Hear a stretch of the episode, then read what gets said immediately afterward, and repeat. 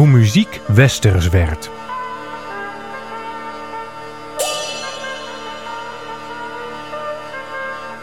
In de 12e eeuw was studeren in Zuid-Europa heel anders dan in Noord-Europa. In Zuid-Europa was de universiteit meer gericht op praktische studies, waarvan werd verondersteld dat je jezelf kon onderhouden nadat je was afgestudeerd. Op onder meer de Universiteit van Bologna was het gebruik dat de leerling de leraar een contract liet tekenen, waardoor de leraar kon worden afgerekend op de overeengekomen lesmethode. De leerling had de macht. In Noord-Europa was dat anders. De faculteit Kunsten en Letteren was verreweg de grootste faculteit van de Universiteit van Parijs. Hier kwam je niet om een vak te leren, hier studeerde je om kennis te vergaren. Hier stond de docent centraal. Studenten betaalden de docent om het college bij te mogen wonen. Ze betaalden voor het privilege om op het stro te mogen zitten. Ze betaalden om examen te mogen doen. Ze betaalden voor de zegels op hun diploma. En ze betaalden voor het recht een kamer te mogen huren in een van de panden van de docent. Panden stonden allemaal bij elkaar in een gebied dat het Quartier Latin werd genoemd, de Latijnse buurt, omdat de voertaal op de universiteit Latijn was. Rond 1200 woonden er zo'n 3000 studenten. Een van hen was een jonge man uit Engeland. We weten niet wie hij is of waar hij precies vandaan komt. Ze noemen hem Anonymous nummer 4. We weten dat hij in Parijs heeft gestudeerd omdat hij dat zelf beschrijft. In zijn traktaat over muziektheorie vertelt hij over de componisten Leonius en Perotinus die in de Notre-Dame in Parijs actief waren, een kleine eeuw voor Anonymous nummer 4 daar zelf werkte. Wie Leonius en Perotinus waren, weten we niet.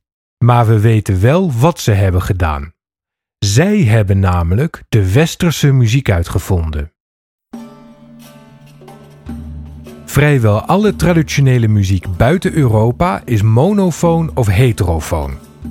Monofoon betekent dat je allemaal hetzelfde doet, zoals het Gregoriaans. Heterofoon betekent dat je allemaal hetzelfde zingt of speelt, maar dan op je eigen manier. Dat doen ze bijvoorbeeld bij traditionele Turkse muziek.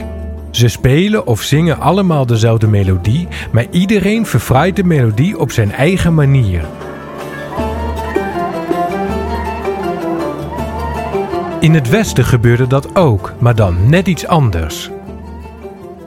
In de 9e eeuw schrijft de monnik Hucbald van Sint-Anna al over het gebruik dat de ene persoon Gregoriaans zong en de ander tegelijkertijd improviseerde. Dat was toen al een oude traditie die is terug te voeren op het oude Byzantium en waarschijnlijk zelfs nog tot het oude Griekenland. Het verschil tussen de heterofonie uit Byzantium en de heterofonie uit Europa was dat we in Europa niet op dezelfde toonhoogte improviseerden, maar op een andere. Alsof je met heterofonie naast elkaar over hetzelfde pad loopt en we in Europa ontdekten dat er een paar tonen verderop een parallelpad is. We weten alleen niet precies hoe het heeft geklonken, want in de 9e eeuw bestond notatie nog niet. Een eeuw later konden we muziek noteren en toen klonk dat parallel samenzingen zo.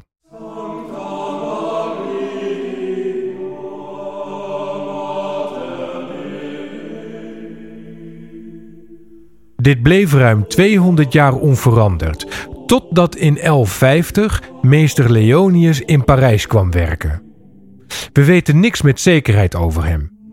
Uit het traktaat van Anonymous nummer 4 blijkt dat hij les heeft gegeven op de Universiteit van Parijs. En naast componist was hij waarschijnlijk ook dichter. In de tijd dat hij actief was, is er een rijmschema ontstaan, het Leonine vers, waarvan sommige muzikologen beweren dat het is vernoemd naar Leonius. In de dichtkunst worden zes ritmen onderscheiden die nog bij de oude Grieken vandaan komen. Dat ritme ontstaat door de afwisseling van beklemtoonde en onbeklemtoonde lettergrepen. Bijvoorbeeld een jambe, dat het ritme padam heeft. Shakespeare gebruikte dat veel in zijn sonnetten. Shall I compare thee to with summer's day? Thou art more lovely and more temperate. Of de anapest dat als ritme papapam heeft. Kan het zijn dat de lier die sinds lang niet meer ruist? En zo zijn er nog vier. Doordat alle muziek in die tijd één of samenstemmig was, bestond er geen harmonie. Er waren geen akkoorden. Niks van wat wij nu vanzelfsprekend vinden als we naar muziek luisteren, bestond. Dat heterofoon samenzingen, dat in de 9e eeuw al werd beschreven, werd als een variatie, een verfraaiing van één melodie gehoord.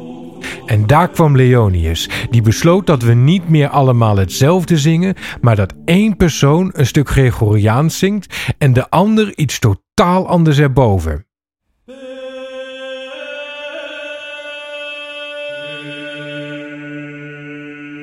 Door dit idee veranderen een aantal dingen tegelijk. Het Gregoriaanse gezang werd heel erg vertraagd, zodat de andere stem alle ruimte had om de prachtigste melodieën te zingen. Het Gregoriaans wordt niet ritmisch gezongen. Elke lettergreep heeft een noot en in principe duren alle noten even lang. Maar doordat Leonius de zes ritmen uit de dichtkunst gebruikte, kon hij melodieën maken met een ritme.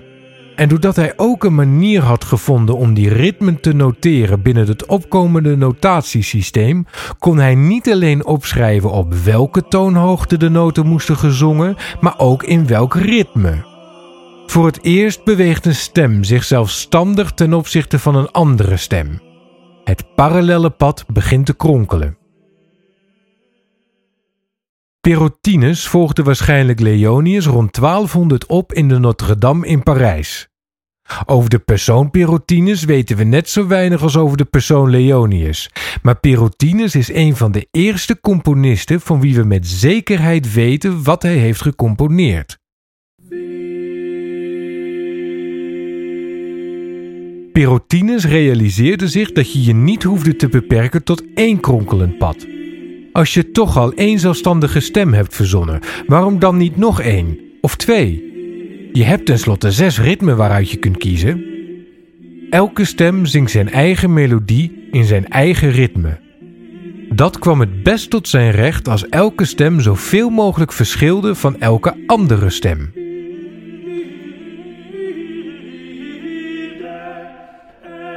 Nog geen halve eeuw geleden had nog niemand bedacht dat je iets anders kon doen dan met elkaar meezingen.